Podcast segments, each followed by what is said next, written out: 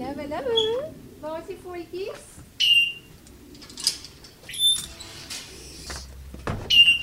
Kom, kom. Soene. Ooh, dankie. Julle.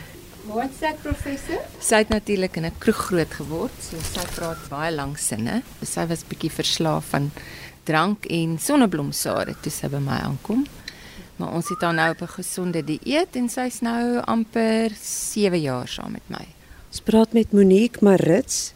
Sy's 'n pleegma vir papegaaie vir die organisasie Cheeky Beaks wat daarop gerig is om papegaaie te rehabiliteer en dan hooplik nuwe ek wil amper nie sê eienaars maar nuwe mense maats vir hulle te kry. Ja. Ons plaas hulle, ek rehabiliteer hulle, kry hulle op gesonde dieet, kry hulle om meer sosiaal te wees.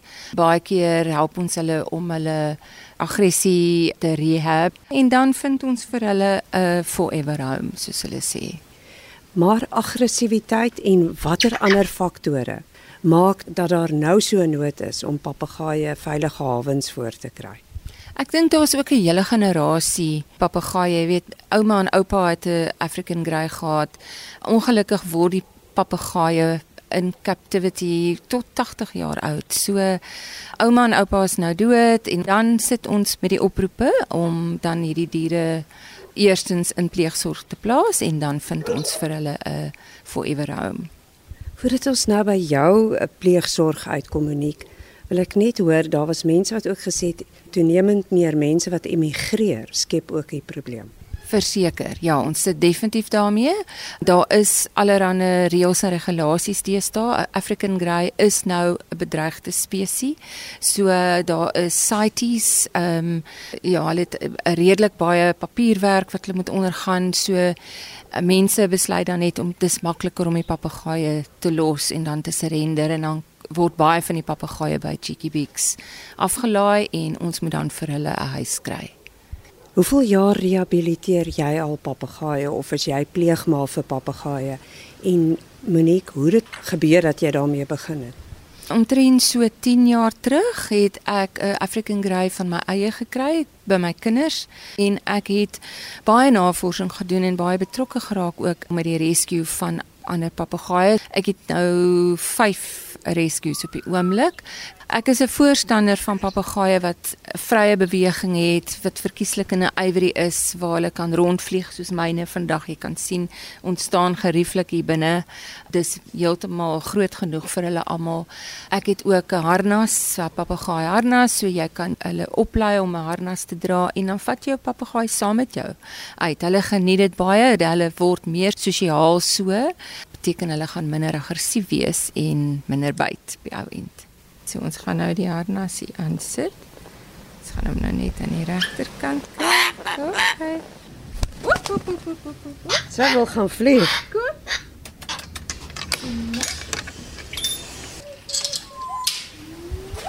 Sien nou kan ons enige plek stap. O, dis daai al. Dis 5 African Greys hier, ja. nê. Nee. Nou hierdie ouetjie, hy draai sommer sy kop soos hy luister.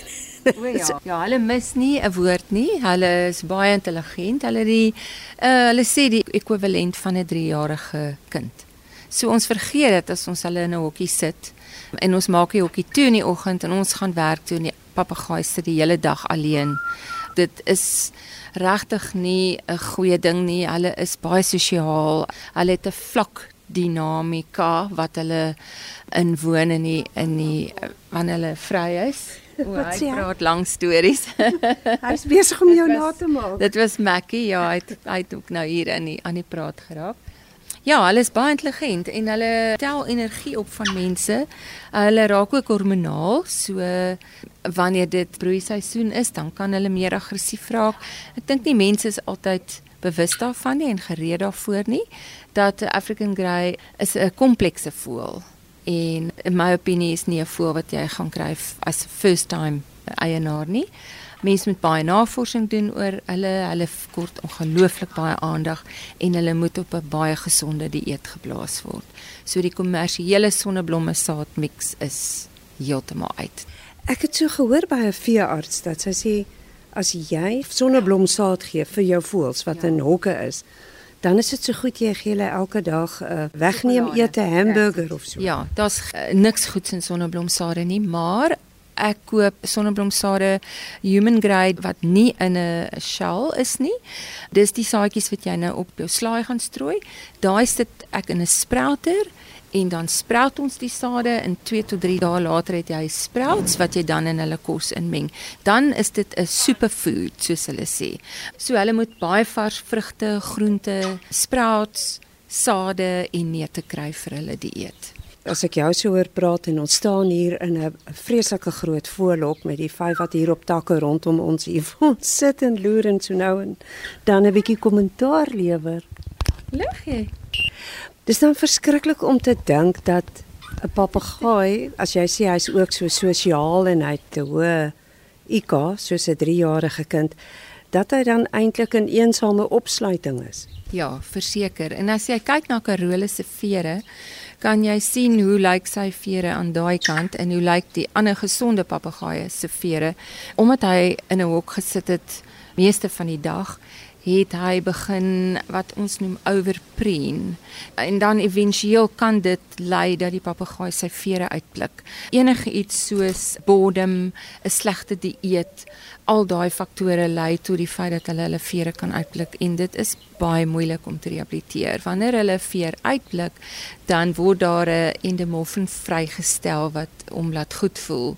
Dis amper soos iemand wat bietjie naasbyt, dit gee vir hulle 'n release. Dieselfde gebeur met hulle en dit is hoekom baie papegaaie se vere uitgepluk word en dit word dan ook net soos mense wat hulle naels byt ongelukkig 'n habit en dit is 'n baie moeilike habit om van ontslae te raak. Hoorie, daar het iemand nou weer iets gesê. Dis professor wat so lekker gesels. Hulle het haar professor genoem in die kroeg waar sy vandaan gekom het. Ek dink omdat sy so baie gepraat het. En ek dink dit is ook deel van die probleem hoekom mense African Greys aanhou want uh, hulle wil 'n folie wat praat. Nou net soos kinders, jy weet nooit as jy jou kinders het of jou kind gaan goed wees in sport of gaan uitblink in akademie nie. Dit is maar iets wat jy maar uitvind soos wat jou kind groot word. En dieselfde ding met papegaaie en African Greys. Nie alle papegaaie praat nie. Nou Monique Marits van Kabeegat, Port Elizabeth. Hoeveel jaar al is jy pleegma vir papegaaie wat spesiale sorg nodig het? Ek het onlangs eers seker so 'n jaar terug by Cheeky Beaks Parrot Rescue um, aangesluit. Ek is nou 'n gekeerde pleegma vir hulle. Dit is 'n baie moeilike ding want mense raak ek raak ongelooflik lief vir hulle en hulle begin ook baie 'n band met jou opbou, so dit is 'n moeilike ding om 'n pleegma te wees, maar daar's 'n ongelooflike nood daarvoor. Ehm um, daar's baie voëls wat eers in pleegsorg geplaas moet word sodat ons dan die voël kan leer ken en weet watter tipe huis reg gaan wees vir daai voël. So dit is 'n proses. Ons het um, nogal 'n streng keuringsproses ook waar ons um, kyk na die mense se leefstyl, wat hulle vir die voël kan bied dan weet ons dit is 'n op die ou end 'n goeie match en dis 'n wen-wen situasie vir die eienaar en vir die voël. Ehm um, ja, so Cheeky Beaks het ek onlangs eers betrokke geraak, maar voor dit het dit maar outomaties gebeur as ek loop met my papegaai op my skouer dat mense vir jou sê o, ek weet van 'n papegaai in 'n kroeg soos professor wat ons toe nou saamgebring het huis toe. Nou dat 'n mens praat van pleegsorg en dan goeie huise vir hulle kry. En ook wat jy sê jy gaan loop rond met jou papegaaie. Jane Goodall het iets gesê wat bitter min mense eintlik nie besef. Ja, sy het baie ware woorde gepraat en dit het nogal aan my hart geruk. Sy sê keeping a parrot locked up in a cage is like keeping an elephant chained in your back garden.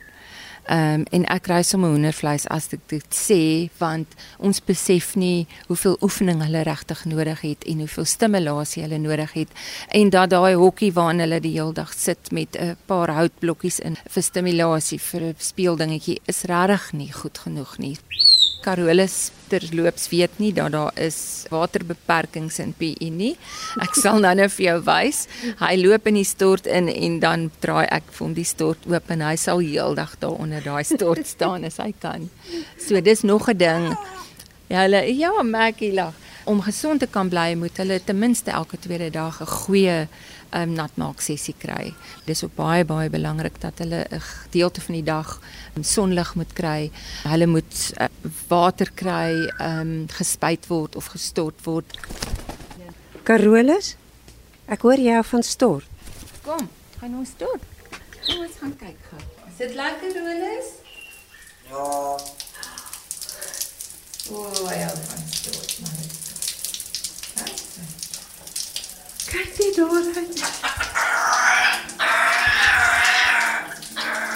Wat sê jy nou?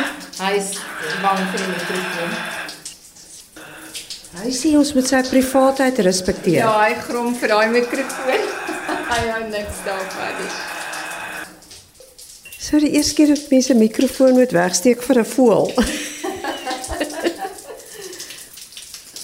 maar hulle seker so lief vir stort. Okay, sorry. Hulle is seker so lief vir stort omdat hulle in die tropiese woude voorkom. Ja, verseker. So, ehm um, dis 'n baie belangrike deel van hulle versorging is dat hulle lekker nat gespuit word. Dit bevorder gesonde vere, verseker hoe meer hulle bietjie blootgestel word aan water. Stort jy lekker Carolus?